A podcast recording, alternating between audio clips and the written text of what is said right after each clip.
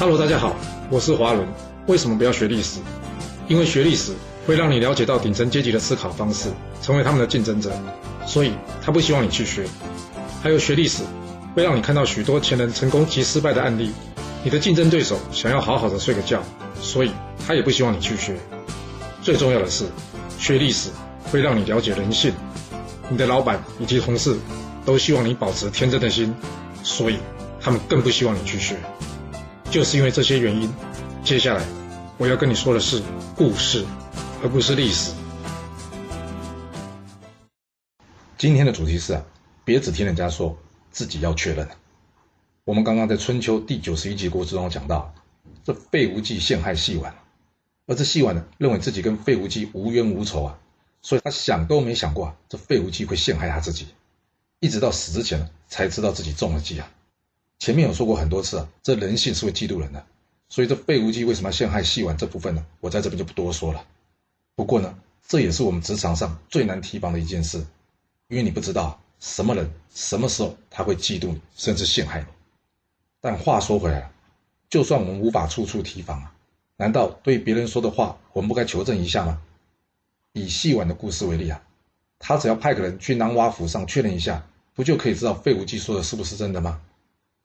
这细婉要是有仔细留意过费无忌啊，他就会知道，之前的费无忌啊，曾经向大王抢他儿子老婆。那你说，像费无忌这样的，他人品怎么样？算不算小人？既然知道费无忌是小人，那他就应该要知道，小人通常是不会帮人的，除非你跟他有共同利益。正所谓没事献殷勤，非奸即盗啊，指的就是小人没事会来做好人这种事啊。这细婉事前没把费无忌是小人这件事加入评估，而事后呢，又按照他的意思呢，请人吃饭还派假释，像这种这么不合逻辑的建议啊，他想都没多想，所以难免会吃上大亏了。其实，在生活中跟职场上啊，遇到那些爱嚼舌根的人，确实让人很讨厌。但是更可怕的是什么？是那些提供给你啊有毒意见或者是啥有毒称赞的人，尤其是那些你很相信的人。那要怎样避免这种人或是事呢？一个简单的判断法则：谁曾经私底下，记住啊，是私底下，不是公开哦。谁曾经私底下或是在工作互动中，明知你会不高兴，他还劝你或是指正你的人，通常这些人个性都还算直。他说的话虽然不合你的意思，或是说怎样，你听了不喜欢，觉得他说的没道理，但是这些人的话通常还不会伤害到你。你想想看，你爸爸妈妈是不是也常常为你好念你啊？而那些只会说你说的对，而从来不反驳你的人呢？你反而要小心一点了，因为怎么样，你的死活跟他无关，他呢不反驳你，只是因为不想打坏与你的关系。换句话说啊，这样的人心机重一点，没有那么直率。像这样的人，要是有一天突然间的好心积极的给你建议了，你反而要特别的谨慎。另外啊，对别人说的话。只要当事人不在场，你一定要保持着三分怀疑的态度啊，因为这些话你可能无法证实。那既然无法与当事人当面对质或是证实，你就不应该啊把这话完全当真。而最后啊，最难的是什么？就是如何听出别人呢说好话背后代表的恶意啊。打个比方吧，有一次呢，在公司开会之前啊，我公司有两位女同事，我们就姑且称之为 A 女跟 B 女吧。这个 B 女呢？称赞的 A 女说：“哇，你这表很好看呢，那你不是一直说很贵，买不下手？哎，我记得你生日还没到啊，你老公怎么对你这么好，买来送你啊？”先补上一个背景资料，由于平常吃饭的时候呢，这 A 女常常抱怨她老公啊，钱赚了很多，却很小气，一直不愿意帮她买这只手表。而这 A 女呢，刚刚接任了管理经销商的工作没多久，那你有没有听出这句话的问题啊？表很好，老公很好。问题出在哪？我们接着说吧。而大老板进来了，听到了我们闲聊之后呢，他也从远处呢看看这 A 女的手表。这时 A 女说了：“啊，这是我自己买的啦，我老公那么小气，怎么可能会送这样的表给我呢？”听到这有听出问题来吗？要是还没听出来，那就继续听我往下说吧。这大老板听到 A 女的回答之后啊，他说：“嗯，这表很贵啊，你要多做一点业绩啊。”这现场大家听到老板这么说呢，笑声一片，而这话题呢也就暂时到这结束了。大概半年左右吧，这 A 女呢虽然都有达成公司给她的业绩目标，但是最后呢，公司还是把她给请走了。你有没有觉得很奇怪啊？这 A 女的手表很贵，跟她要做业绩有什么毛关系啊？要她多赚点钱，这样就可以支持她这个消费吗？不过她不是已经花钱买了吗？这最多也只有间接关系吧？那是没关系，大老板干嘛这么说啊？让我们重新还原一下现场吧。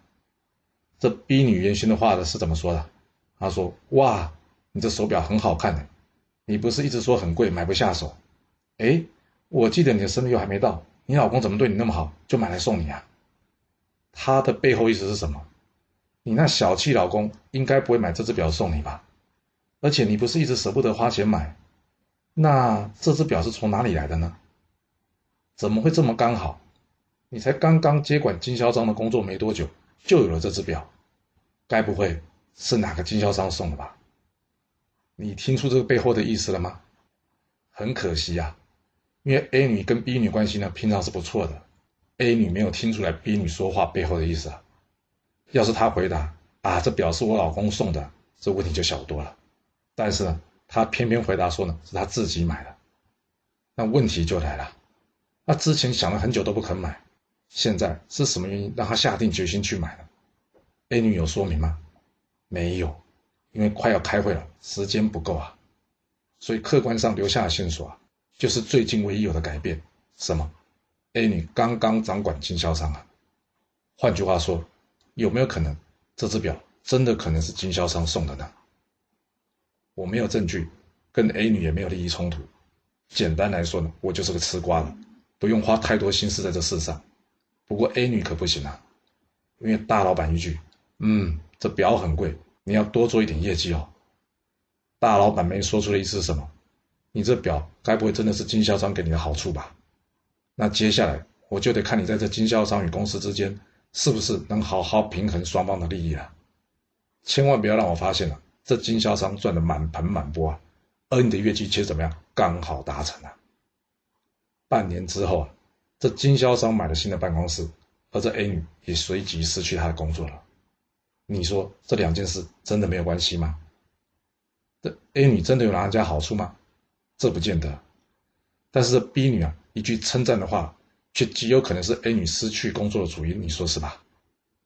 若是你有其他想法，也欢迎留言分享你的看法给大家哦。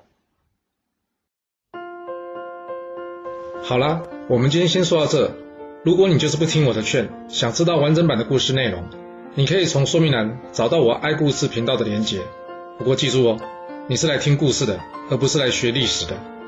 要是您喜欢这个频道，麻烦您动动您的手指，追踪、留言，或是给我五星评价的支持以及分享。谢谢您来收听，我们下次再见。